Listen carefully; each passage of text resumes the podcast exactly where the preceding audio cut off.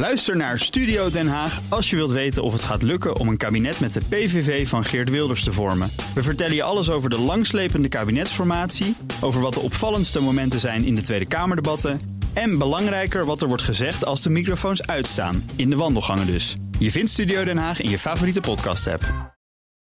Blijf scherp. BNR Nieuwsradio. BNR breekt. Ivan Verrips. Goedemorgen en welkom. Vanaf half twaalf praat ik over de coronasteunpakketten... die nog altijd eh, niet in maatwerk zullen voorzien... en vooral een hoop problemen verzorgen voor ZZP'ers. We praten over jongeren die steeds vaker door criminelen worden uitgebuit... en over nieuwe maatregelen in Oostenrijk...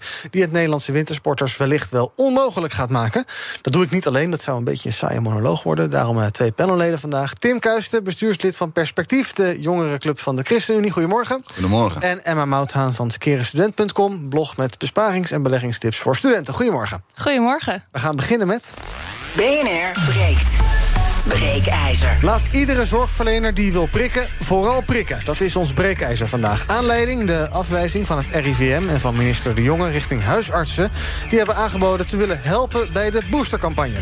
Zelfs nu blijkt dat toch niet iedere 60-plusser zijn extra prik gaat krijgen voor het nieuwe jaar.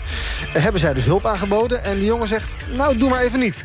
Voelt een beetje raar, want ja, we zijn te laat begonnen met boosteren. We gingen aan het begin te langzaam. We zitten nu in een lockdown om tijd te kopen. We gaan nu hals over kop alsnog in een soort turbo-tempo prikken. Hartstikke goed. Maar dan zou je denken, ja, elke hulp van elke zorgverlener is welkom. Maar nee, zegt de jongen.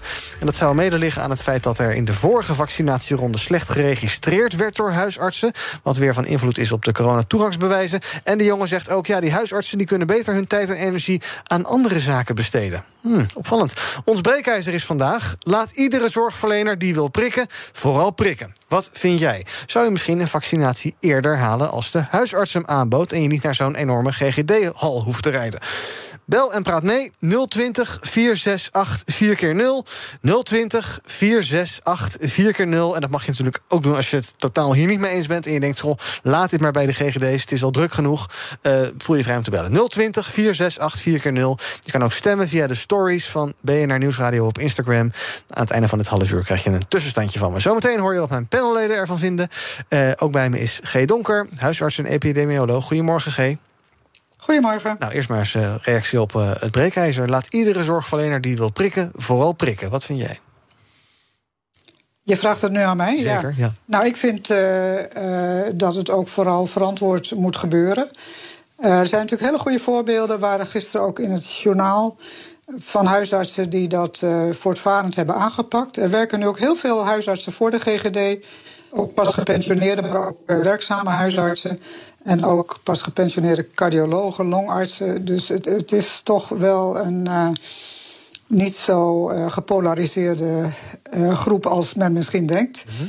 En het is wel heel belangrijk dat daar goed samengewerkt wordt, dat er een gevoel is van dat samen doen. En je zou denken van, nou ja, iedereen die wat kan doen, die moet wat doen. Maar het moet natuurlijk toch wel uh, goed gebeuren en centraal aangestuurd worden. En uh, deze vaccins die kunnen ook maar heel kort uit de koelkast. Dat is een verschil met uh, AstraZeneca, die, waar de huisartsen ervaring mee hebben. Nu wordt er met Pfizer geprikt en met Moderna.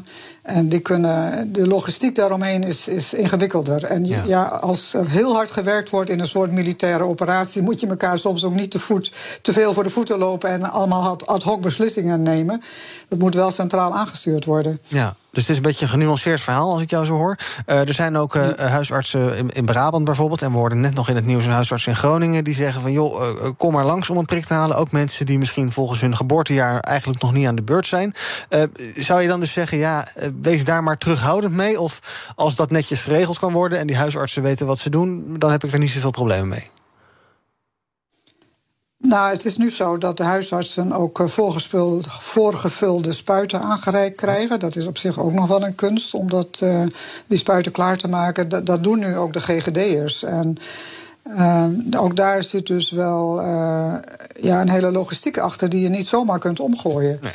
Er is nu drie minuten per patiënt die geprikt wordt. Ja, dat is een, een logistieke operatie van je welste. En Natuurlijk zou je denken, hè, als je heel snel oordeelt van alle hulp is welkom en, uh, en elke patiënt die geprikt is, dat is weer klaar. Klaar is klaar. Maar de werkelijkheid is iets gecompliceerder. En nou ja, er is binnen die GGD met de aanvulling van huisartsen, specialisten en anderen.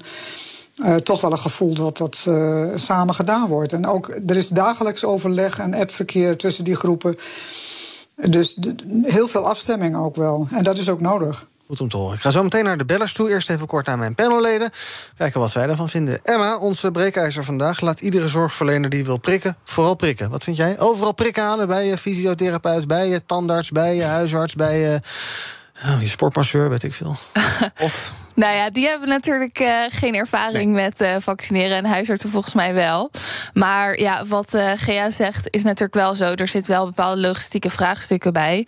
Dus je zou misschien ook kunnen kijken van kan je niet die huisartsen inzetten binnen het bestaande GGD, ja, de constructie zeg maar, zodat ze wel extra prikkers hebben. Want dat is volgens mij ook nog wel een knelpunt ja. nu. Dat gebeurt ook. En Gea doet dat zelf. Of G doet dat zelf. Daar gaan we zo meteen nog wel eventjes vragen aan naar hoe dat dan precies werkt. Maar jij zou dan zeggen, concentreer het maar rondom die GGD's. Dat lijkt je het verstandigst. Ja, nou ja, als het inderdaad, uh, zoals zij zegt, uh, zo'n logistieke, logistieke uitdaging is om het zeg maar in huisartsenpraktijken zelf te doen, dan lijkt me dat inderdaad geen goed idee. Tim. Ja, heel saai, maar ik sta er ook vrij genuanceerd mhm. in. Um, ik vind het wel opvallend dat de logistiek eigenlijk niet het meest nadrukkelijk naar voren is gekomen in het verweer van eh, Hugo de Jonge of het RIVM. Het ging toch meer om de registratie, inderdaad. En ik denk wel, wat wel een winstpunt zal zijn als je de huisartsen wel inzet, is dat je een groep hebt die moeilijk te bereiken is via de bestaande constructie, dus via de GGD's, en makkelijker via de huisartsen. En ik verwacht eh, dat het percentage mensen dat meteen de boosterprik haalt, weer lager ligt dan het percentage mensen dat uh, direct de eerste en tweede vaccinatie heeft gehaald vrijwillig. Dus ik denk dat je ze wel kunt gebruiken. Ja, dus dat persoonlijke contact dat uh, patiënten die vaak toch al met een huisarts hebben, zet dat in ieder geval in. Ja, want dit is wel weer een probleem waar je tegenaan gaat lopen. Een groep die niet meteen uh, nou ja, naar die boosterprik toesnelt. We gaan naar onze bellers toe. 020 468 4 keer 0 is ons telefoonnummer. Ons breekijzer is laat iedere zorgverlener die wil prikken, vooral prikken. Rob, goedemorgen. Goedemorgen, met Rob Quistenbeeld.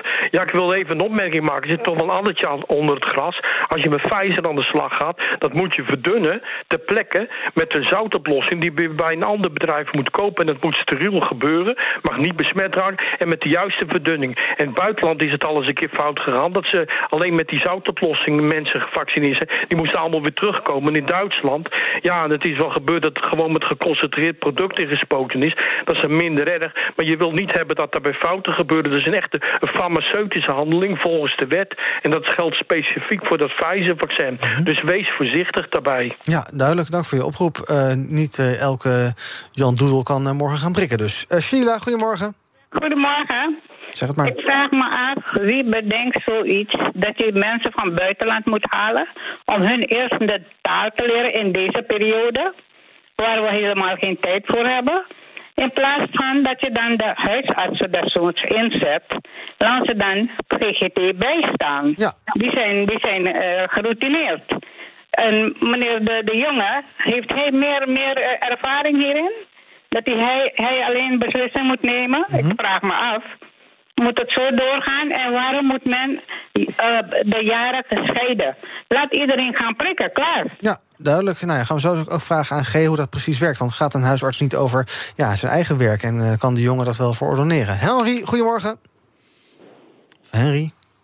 Ja, goedemorgen. hallo, zeg het maar. Henry van den Berg. Hallo. Laat iedereen prikken. Een bijzonder slecht idee. Mm uh, logistiek uh, plannen is een vak. En als je eenmaal een organisatie hebt opgezet die uh, grootscheeps is op dit moment en je gaat dat verstoren met allerlei andere zaken, dan doe je een stap terug, kans op fouten, et cetera. Waar ik voor pleit, uh, is, en dat is in België een proef van, om grote bedrijven die meer als uh, duizend man personeel hebben, ik noem maar even wat. Mm -hmm. daar heb je bedrijfsartsen die toch niks te doen hebben. Ja. En je weet het wel, dat zijn uh, bedrijfsartsen. Uh, die kunnen wel prikken. En daar hebben de werkgevers allemaal de accounts van betrokkenen. Daar wordt in België op dit moment een proef mee gedaan. En dat lijkt me een bijzondere goede zet. Ja, dus dat je bij grote bedrijven op die manier mensen die dat willen gaat, gaat vaccineren. Ja. Duidelijk. dank, voor je, dank voor je suggestie, dank voor het bellen. Richard, goedemorgen. Hi, goedemorgen Ivan. Ja, voor mij mag iedereen wel prikken. En ik wil een, uh, of een paar tikjes voor de jongen. Ik zou zeker niet op de stoel gaan zitten van de dokter. Want een dokter moet ook nog wel eens preventief zijn. Dat is Hugo de Jong niet. En ik wil Hugo de Jong nog een advies geven. Hij moet dus de spoedcursus gevolgen actie, reactie. En niet de spoedcursus waarom makkelijk doen als het moeilijk kan. Want dat doet hij een beetje te vaak. Ja, het is toch zo bureaucratisch wat. Het probleem is ook dat dit politiek is geworden. Alles en iedereen moet er een mening over hebben. Als jij vandaag morgen iemand in elkaar ziet pleuren... dan ga je toch niet eerst met, met, elkaar vergaderen van... goh, gaan we 1 en 2 bellen, gaan we harten? Nee, dan ga je toch acuut reageren. Maar ja, acuut reageren is voor de minister Rutte en meneer De Jonge... alleen maar als hij een huurstraatje uitkomt en niet voor de gewone burger. Daar wil ik het bij laten. Dank voor het bellen. Adriaan, tot slot van dit blokje. Goedemorgen. Hi. Uh, ja, wat ik vind is het volgende. Uh, ik denk dat de artsen eventueel mensen moeten prikken die helemaal nog niet gevaccineerd zijn. Omdat je dan die vertrouwensband tussen artsen en patiënten hebben. Want die patiënten hebben kennelijk een reden om nu niet naar een GGD te gaan. Voor de rest zou de boosteren lekker bij uh, de GGD's houden. Maar daar heb ik nog wel één opmerking over. -hmm. Mijn, vrouw is, mijn vrouw is 1 februari geprikt, omdat ze in de zorg werkt. Vervolgens 21 februari is ze opnieuw geprikt. Daar is in de registratie iets verkeerd gegaan, namelijk de datum van de tweede prik is gekoppeld aan de eerste prik. Dus er staat dus twee keer een prik, ja. wel met verschillende bestnummers, op 1 februari. En we zijn nu al vijf maanden bezig om haar een QR-code te geven, wat maar niet lukt. En nou heeft ze toevallig vorige week zaterdag een boosterprik gehad. Nou, dat moet minstens 14 dagen werken. We zijn benieuwd of dan door die boosterprik er dus twee verschillende data staan. Waardoor er dus kennelijk een QR-code gaat ontstaan. Maar dat is dus een logistiek uh, ICT-probleem wat Ru of Rutte en uh, de jongen nog steeds niet opgelost hebben. We hebben al vijf, zes keer gebeld. Uh, nou gaan wij niet zo uh, vaak aan eten omdat we zelf veel te lekker koken. Dus ja. Maar het is natuurlijk waanzin dat dat soort problemen niet opgelost zijn. En dat we, dat we nou ja, ja, weet je, ik heb er een enorme ergernis over. En, denk... en, wat gebeurt er dan als je belt? Dan verzand je in een soort bureaucratisch uh, moloch of zo? Nou, je, je hebt hele leuke, jonge, vooral jonge mensen die al aan de lijn zijn, die snappen het probleem. Uh, maar dan krijg je uiteindelijk een manager die erboven zit en die zegt, ja, ik weet wat het is, we gaan het oplossen. En dan moet u over twee, over twee dagen krijgt u eventueel in uw spam, spambox een, een, een, ja, weet ik wat, mailtje, ja. waar het dan in moet blijken. En dan een week of twee later bellen wij weer opnieuw. Nou, er zit niks in de spambox, het is weer niet gelukt. Nou, we hebben dus na vijf, zes keer, dus ongeveer twaalf weken, dus drie maanden zijn we al bezig, hebben we het maar opgegeven en we hebben gedacht, weet je, er zijn mensen die hebben zich twee, drie keer laten prikken om met kerst te kunnen uiteten. Dat is net een soort mopje. Weet je, die, zijn, die gaan dus niet uiteten. Nee. Want die kunnen niet uiteten. Dus het slaat gewoon allemaal nergens op. Nee, ik snap best wel dat er, een, er is een virus en daar moeten we echt wel wat aan doen. Maar ik denk dat die huisartsen nou dat contact, contact zoeken met de mensen die überhaupt nog niet geprikt zijn. Want daar ligt een vertrouwensband. Er is iets waarom die mensen dat niet willen of niet durven. Of laat dat contact vooral door de huisarts gedaan worden. BNR breekt. Ivan Verrips. Met in mijn panel Emma Mouthaan van skerestudent.com... Tim Kuisten, bestuurslid van Perspectief... de jongere partij van de ChristenUnie. En ook bij me is G. Donker, huisarts en epidemioloog. En we praten over ons breekijzer. En dat is vandaag... laat iedere zorgverlener die wil prikken vooral prikken.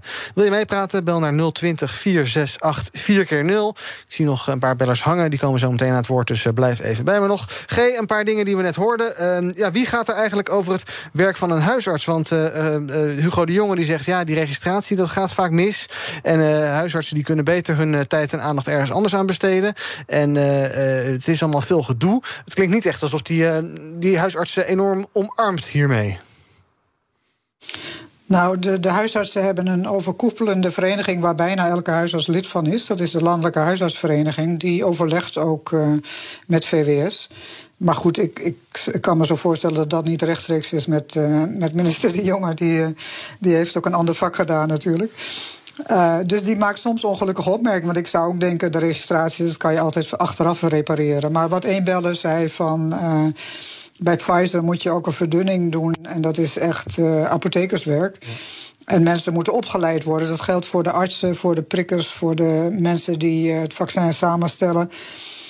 Ehm, ja, dus het is ook niet zomaar dat je iedereen van straat kan plukken en iedereen kan dat doen. Je wil dat verantwoord doen. En, eh, en je wil ook dat mensen dan een goede vaccinatie hebben waar ze op kunnen vertrouwen. Ja. En dat is toch wel heel belangrijk uh, in deze discussie.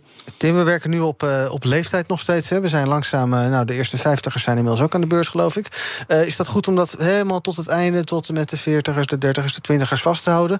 Of zou je na een tijdje ook moeten zeggen, ja, nu is het ook gewoon klaar en ga nu maar gewoon in de rij staan als je hem wel graag snel wil hebben? Ja, ik vraag me dat toch een beetje af, eerlijk gezegd. Want als je kijkt naar het Verenigd Koninkrijk, daar is van alles misgegaan ook. Er zijn heel veel besmettingen geweest, zieken, doden. Maar ja, als ik kijk naar 2021, dan zie ik daar toch een samenleving en een overheid die echt veel minder mentaliteit heeft. We willen niet meer in lockdown zitten. En die dus wel in die zin veel pragmatischer uh, ook met dit soort technische vraagstukken omgaan. En dus ook veel eerder hebben gezegd: oké, iedereen mag nu een prik halen. Ja. En ik denk, ja, als je uiteindelijk wel sneller bent, dan, dan heb je daar toch baat bij op de lange termijn. Dus soms moet je dat risico nemen, denk ik. Ja, ik zou het wel als optie op tafel houden. Ja, en als het in andere landen kan, waarom kan het hier dan niet? Uh, Emma, gisteren werd bekend dat de Europese Commissie voorstelt... dat mensen die vanaf februari een corona-toegangsbewijs willen aanmaken... Uh, een uh, boosterprik zullen moeten nemen. Dat gaat ook in Nederland gelden. Um, en ook de, het vaccinatiebewijs wordt maximaal negen maanden geldig. Ja, je wordt wel steeds meer het vaccin-verhaal ingerommeld. Terwijl misschien dat je eerst dacht van... nou, kijk, die twee prikken, ik doe het nog... maar die booster, joh, ik zit er niet zo op te wachten. Het een goed idee dat ja, het eigenlijk toch steeds... het is allemaal toch weer drang en dwang. En dat zouden we toch niet gaan doen? Ja, nee, inderdaad. Drang en dwang is. Uh, ja, heb ik mijn vraagtekens bij.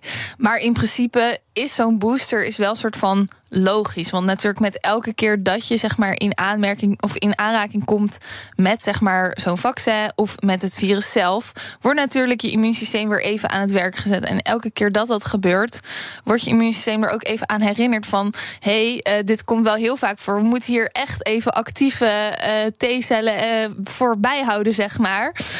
voor het geval we hier weer mee in, in, in ja, in aanraking ja, komen. Je snapt wel dat het nodig is. Ja. Maar vervelend is het wel als je dacht van ja, ik wil, ik wil het liever niet, maar ja, ik doe het toch maar. Ja, je wordt er nu gewoon echt inge. Mm, nou, ik denk eigenlijk, zeg maar, als in met de booster heb ik niet zozeer een probleem. Als in, ik denk van ja, als je toch al de vaccinatie hebt gehad, wat is dan nog een booster extra? Maar goed, dat is mijn mening. Maar ik heb meer probleem met het feit dat het überhaupt zoveel dwang is omtrent zeg maar, het vaccinatiebeleid. G, ik zei al, eh, je bent huisarts, maar jij prikt ook eh, bij, eh, bij een GGD. Um, hebben, hebben, wat zie je om je heen? Dat zijn natuurlijk meer huisartsen die dat doen. Hebben die eigenlijk wel tijd om te prikken? Want ik zag ergens eind vorige week ook een artikel in het AD dat die huisartsen overlopen van het werk. Hè. We hebben het altijd over de IC's en dergelijke. Maar ja, in de eerste lijn daar, daar is ook heel veel, veel onrust en drukte. Dus is die, is die tijd er eigenlijk wel voor huisartsen om ja, te helpen? Of doen ze het allemaal in vrije tijd? Of hoe gaat dat? Uh, er zijn huisartsen die, uh, die één of twee dagen per week over hebben en die vinden dat ze een steentje nu moeten bijdragen. Dat is natuurlijk heel goed. Uh, de huisartsen krijgen nu ook extra taken om patiënten thuis langer te monitoren of, of uitgebreider te monitoren met, met zuurstofmeting, met meting van allerlei parameters. En daar hebben zij zeker ook extra tijd voor nodig. Dus er worden er is nu wel een trend gaande om, als het verantwoord is, meer mensen uit het ziekenhuis te houden, thuis. En dat gebeurt onder leiding van de huisarts en, en verpleegkundigen natuurlijk. Maar. Uh, dus daar hebben de huisartsen ook wel een handen vol aan. Maar dat verschilt natuurlijk ook een beetje per huisartspraktijk en per mm. huisarts. Uh, hoeveel je werkt en hoeveel tijd je nog over hebt. Ja, maar zie jij om je heen ook bij andere huisartsen die bij die GGD aan het prikken zijn, dat die ook uh, dat, dat die drukker dan normaal hebben? Over het algemeen? Ja, de, de, de, huisartspraktijken staan zeker onder druk. Dat is zo. Ja. Gaan we wat bedders laten horen. Kijken wat zij denken over ons breekijzer. Wil je nog reageren, moet je wel echt heel erg snel je telefoon pakken.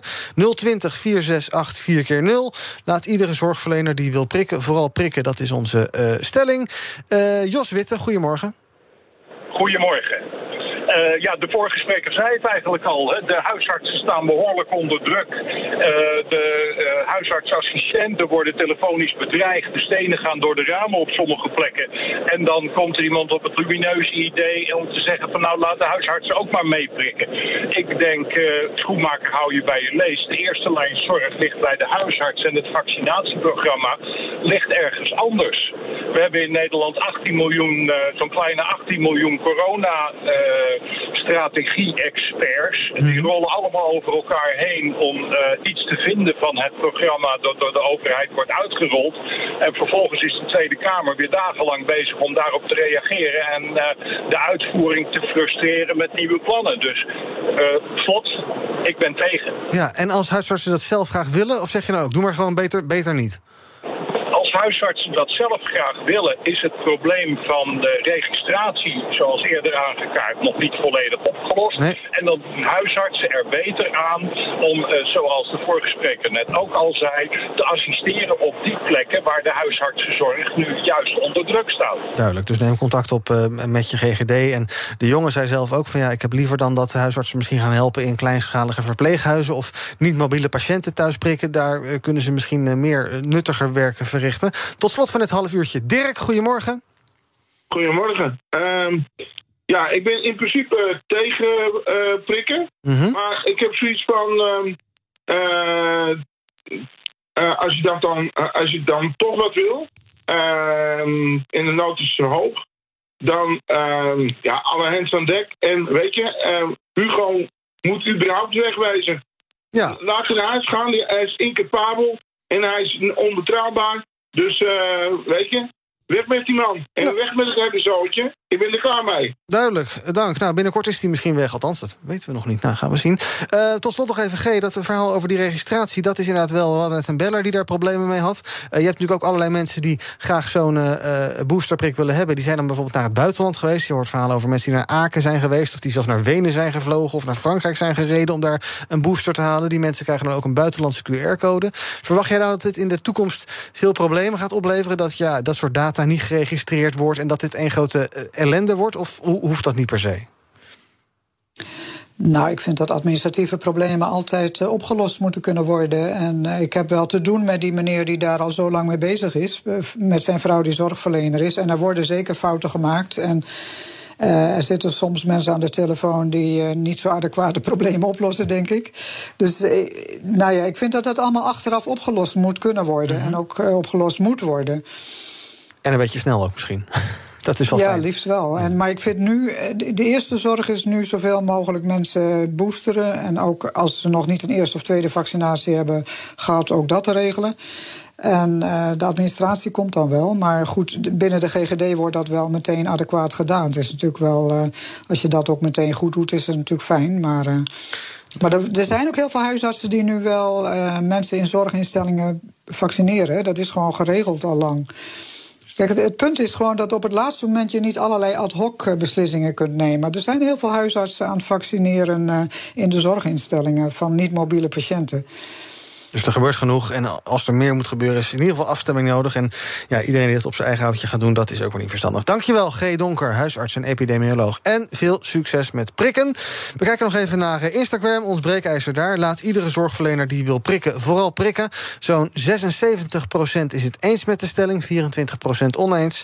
Uh, iets anders dan in deze uitzending, waar het misschien wel genuanceerder lag. Maar wel mooie suggesties. Bijvoorbeeld zet bedrijfsartsen in. Of uh, ja, zet die huisartsen dan in om die eerste prikken te halen. Mensen die zeggen van ja, ik vind dat toch een beetje eng. Of die nog vraagtekens bij hebben.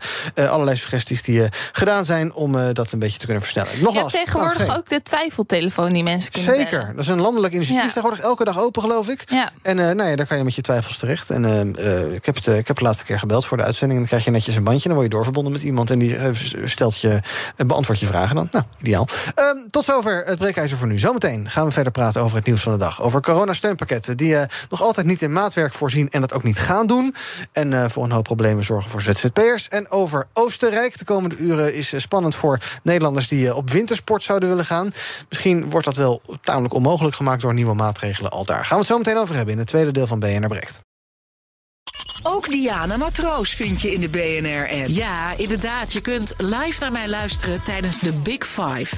Ook handig in de BNR-app. Breaking nieuwsmeldingen, maar ook het allerlaatste zakelijke nieuws. En je vindt in de app alle BNR-podcasts, waaronder Wetenschap Vandaag. Download nu de gratis BNR-app en blijf scherp. Blijf scherp. BNR Nieuwsradio. BNR breekt. Ivan Verrips. Welkom terug in mijn panel vandaag. Emma Mouthaan van skerestudent.com en Tim Kuisten van Perspectief. Dat zijn de ChristenUnie Jongeren. We gaan praten over het nieuws van de dag. Te beginnen met de steunmaatregelen. Het kabinet levert deze lockdown bewust geen maatwerk met de steunmaatregelen. Volgens minister Blok van Economische Zaken levert de maatwerk de vorige keer een groot aantal beroeps- en bezwaarprocedures op.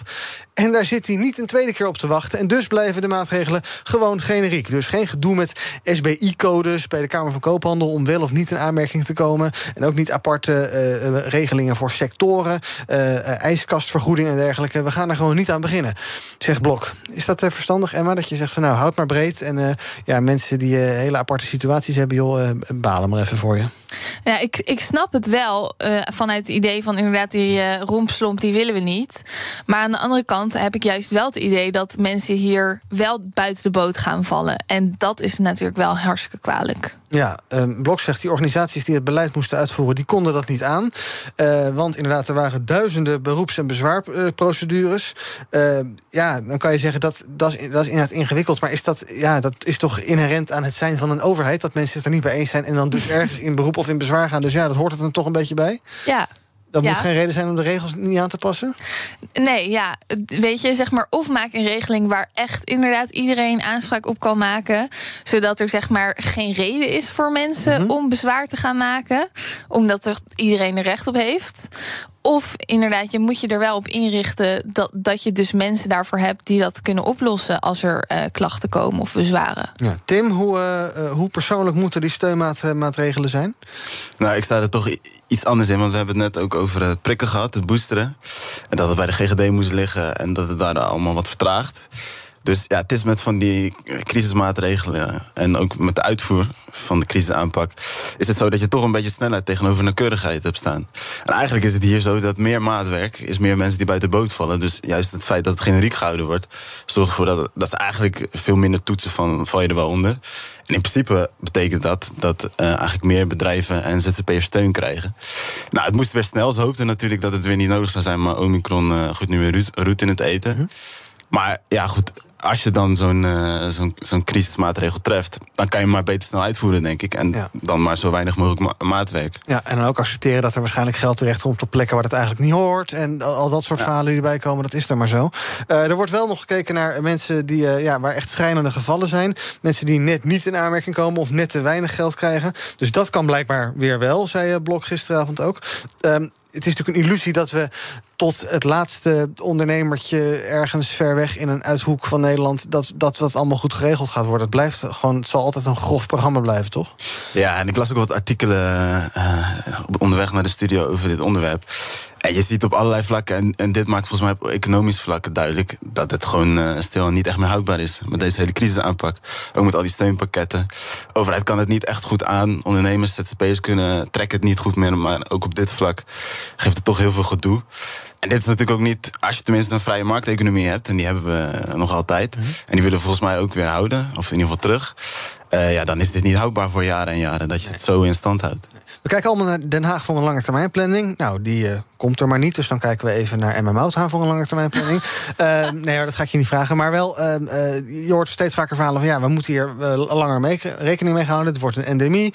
Misschien iets wat met de seizoenen terug gaat komen. Eh, we moeten misschien onze economie erop gaan aanpassen. Accepteren dat bepaalde sectoren het in bepaalde seizoenen beter zullen doen, andere seizoenen minder zullen doen. Dus moet je dan ook inderdaad, ook voor die steunpakketten, kijken naar langere termijn maatregelen. En dat je niet zegt van oh, we gaan de lockdown helpen, we gaan alles heel snel weer optuigen. Maar dat je ook daarin eh, dat meeneemt in het, ja, het hele beleid als het gaat om corona. Ehm, nou ja, ik heb het al wel eens een keer eerder hier eh, gezegd. Ik heb altijd sowieso een beetje mijn vraagtekens gehad bij het feit dat de steunmaatregelen specifiek voor bedrijven zijn. Want eigenlijk wil je natuurlijk mensen helpen. En dus ik zou er ook eigenlijk als we dan het hebben over een langtermijnvisie, dan zou ik er eerder voor willen pleiten om te zeggen: bouw die steunmaatregelen voor bedrijven af en ga het inzetten op zeg maar eh, persoonlijke hulp financieel gezien aan mensen die daardoor misschien ergens uh, werken waar het bedrijf ze ontslaat. Of die hun eigen onderneming helaas moeten sluiten. En dat is dan natuurlijk super vervelend. Maar als je die steunmaatregelen op de persoon, zeg maar, doet in plaats van op het bedrijf. Mm -hmm. Dan heb je ook niet dat probleem met dat je zeg maar uh, spookbedrijven in leven gaat houden. Uh, en dan, dan kunnen we zeg maar op een meer organische manier, zeg maar, de bedrijven die wel met deze nieuwe situatie om kunnen gaan, kunnen dan gewoon hun werk blijven doen.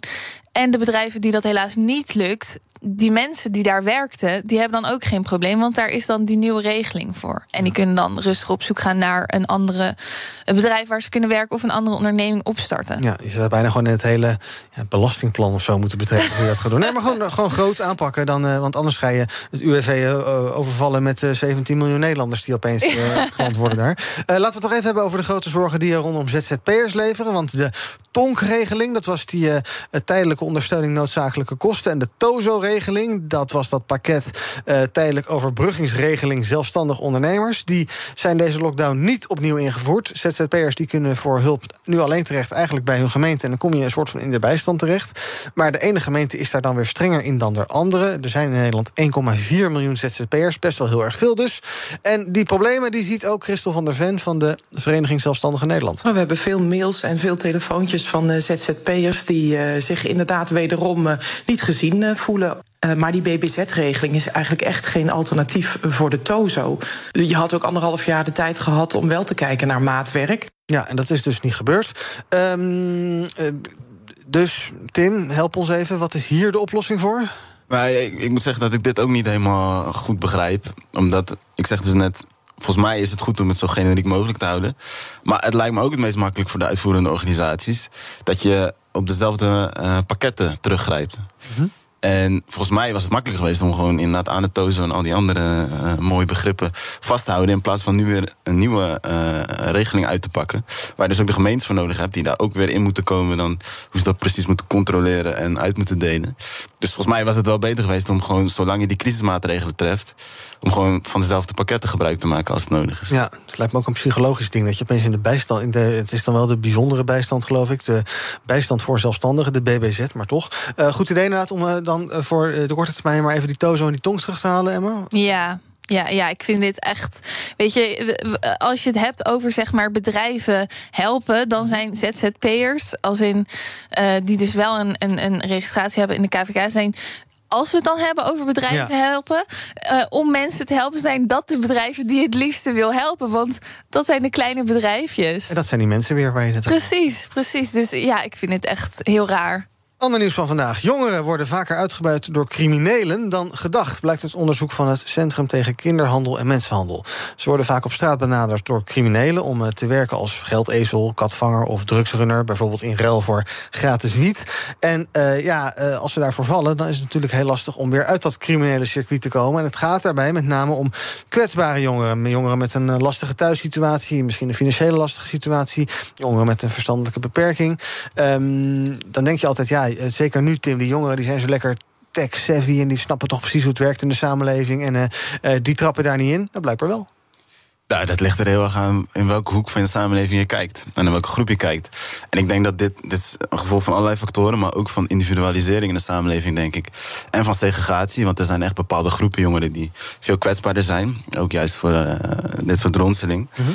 En je moet die uh, mensen, die jongeren, een toekomstperspectief geven. Nou, ik ben heel blij dus uh, om te lezen dat aangekondigd was dat er meer ingezet wordt op jeugdteams, op wijkagenten. Dat is volgens mij inderdaad, vooral aan de preventiekant, de route die we moeten bewandelen. We moeten gewoon zorgen dat die jongeren uh, makkelijk bij de sport kunnen. Iets te doen hebben in, in de buurt, in een wijkteam, even in een buurthuis. Of begeleid worden naar de goede opleiding. En in ieder geval een alternatief hebben waardoor ze denken: hey, ik kan er ook wat van maken in deze samenleving. In plaats van dat ze eigenlijk doelloos op straat rondhangen en dan hun doel vinden ja, in zo'n activiteit waarbij je extra pizza kan halen of whatever. Ja. Uh, Emma, uh, hoe, uh, hoe zorgen we ervoor dat kwetsbare groepen, kwetsbare groepen jongeren ook gewoon meekomen in de vaart der volkeren en dus niet hoeven te vallen voor dit soort ja, foute verleidingen, die misschien best begrijpelijk zijn? Financiële educatie, ja, op alle middelbare scholen ik denk echt dat dat zo erg helpt. Bijvoorbeeld geldezel. Uh, veel jongeren die weten niet eens dat dat soort van illegaal is. Mhm. Of die snappen niet waarom dat dan illegaal is. Dus nou ja, weet je. Leg als- even uit, jij stelt in je rekening ter beschikking iemand anders, geloof ik. En, en Ja. dan haalt hij er weer geld vanaf en daar krijg jij een vergoeding voor. Ja, ja, precies. Het is basically een soort van witwassen van Mhm. geld.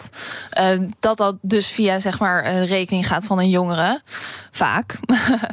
Ehm, maar ja. Weet je, als jongeren geen kennis hebben van financiën eh, en eh, ze hebben een, eh, nou ja, ze verdienen zeg maar 2,50 euro per uur legaal bij de Albert Heijn.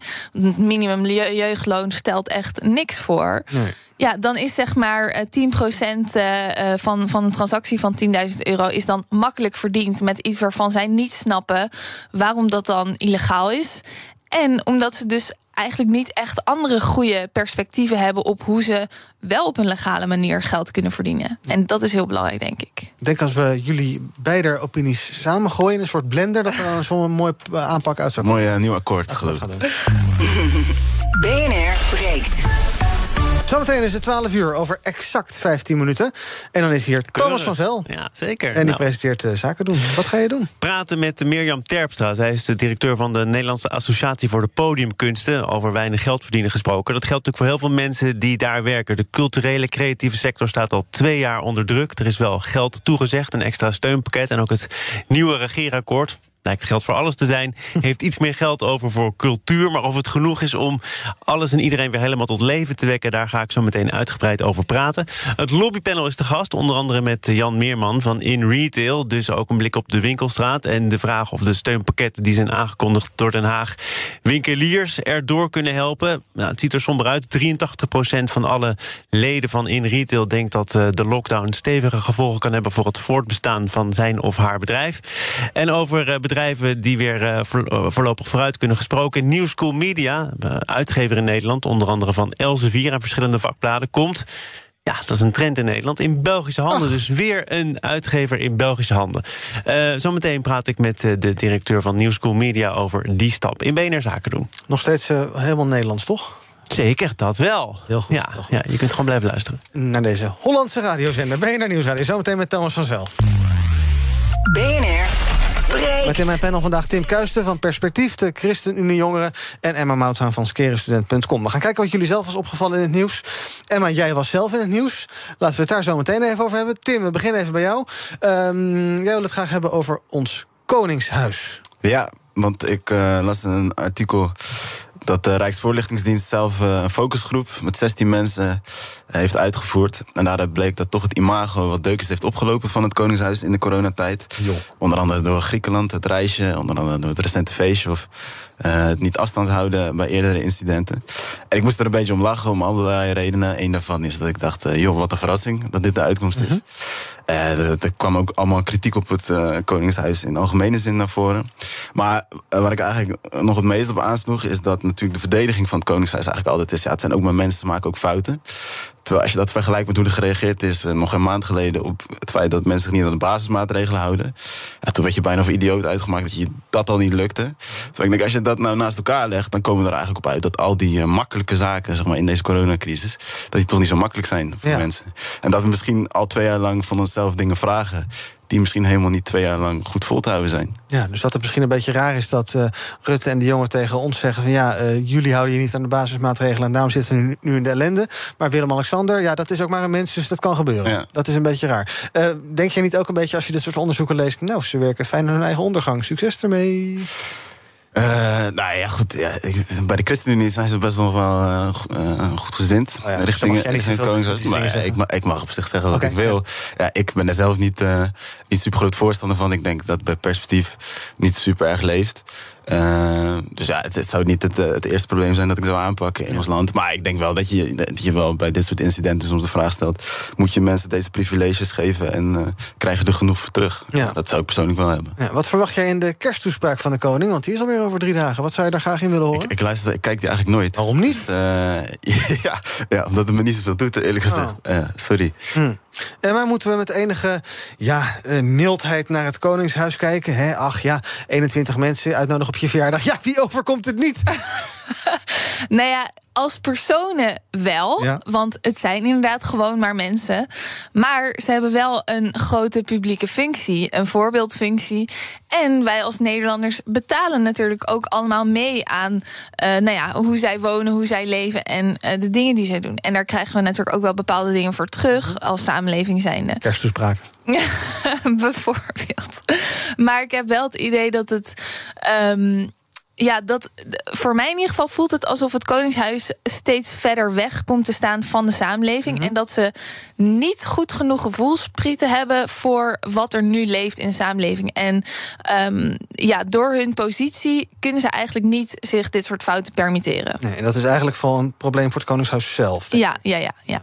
Wat verwacht jij in de kersttoespraak? Of ga je ook niet kijken? Ehm, ja, ik ga wel even kijken. Of in ieder geval terugkijken of zo. Maar eh, verwachtingen zijn eh, laag. Oké, eh, Emma, dan. vandaag, gisteren hadden wij een uitzending over de finfluencers, de financiële influencers. Nou, ik zei al, jij bent van skerenstudent.com met besparingstips en beleggingstips voor studenten. En wat schetst mijn verbazing? Een artikel in NRC over jou. Ja. Naar aanleiding van dat AFM-rapport over die finfluencers. Zij maken zich zorgen over influencers die advies geven terwijl het eigenlijk niet mag. Die misschien belangen hebben die niet duidelijk zijn. Die eh, eh, eh, ja, dubieuze verdienmodellen misschien wel eens hebben. En jij wordt in NRC vandaag aangehaald. eh, Emma Mouthaan, 26, eh, van skerestudent.com. En ehm, veel van jouw aanbevelingen over beleggen, daarom word je uitgenodigd. je wordt verniet geld. Je bent een beetje boos geloof ik op NRC. Wat is er misgegaan? Ja, ja, ik vind het gewoon heel jammer eigenlijk dat ik zo gepositioneerd word in dit artikel. Als wat? Hoe? Ehm, nou ja, eh, eerst gaan ze het hebben natuurlijk over finance influencers en de fouten die er zeg maar zijn in deze industrie. En vervolgens word ik ge- aangehaald als een voorbeeld. Ja. En daarmee maak je natuurlijk als lezer zijnde, ondanks dat het niet letterlijk in de tekst staat, maak je natuurlijk wel die associatie van oké, zij wordt aangehaald als een voorbeeld. Dus alles wat hier eerder zeg maar in dit artikel wordt omschreven over de fouten die financiële influencers maken, zijn ook op haar van toepassing. Ja. En dat is gewoon echt niet het geval. En eh, ja, ik vind het gewoon heel jammer dat, zeg maar, dat ik dan dus als voorbeeld hier word genomen. Terwijl als we het hebben over transparantie, wat een van de dingen is eh, waar de AFM zeg maar, eh, nou ja, kritiek op had.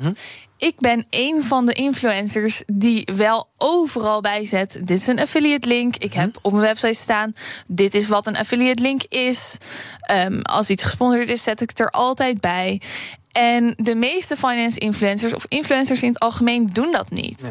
Maar vervolgens wordt het feit dat ik dat zeg maar duidelijk zeg op mijn website, wordt een soort van gebruikt om juist te zeggen van kijk, eh, zij zegt hier op haar website dit is een affiliate link en ik verdien hier aan.